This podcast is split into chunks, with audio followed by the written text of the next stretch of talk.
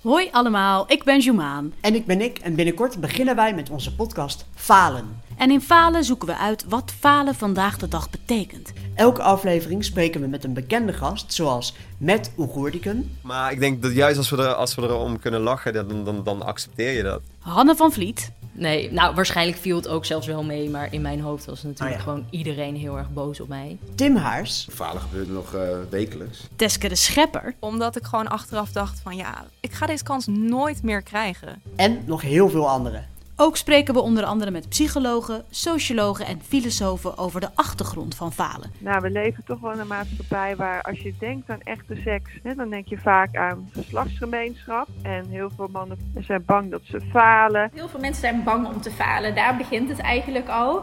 Oh, en als ultieme ervaringsdeskundige delen wij ook onze eigen inzichten.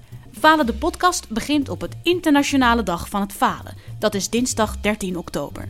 Elke dinsdag komt een nieuwe aflevering online op jouw favoriete podcast-app. Dus, waar wacht je nog op? Klik op abonneren en tot de dertiende. Later! Later!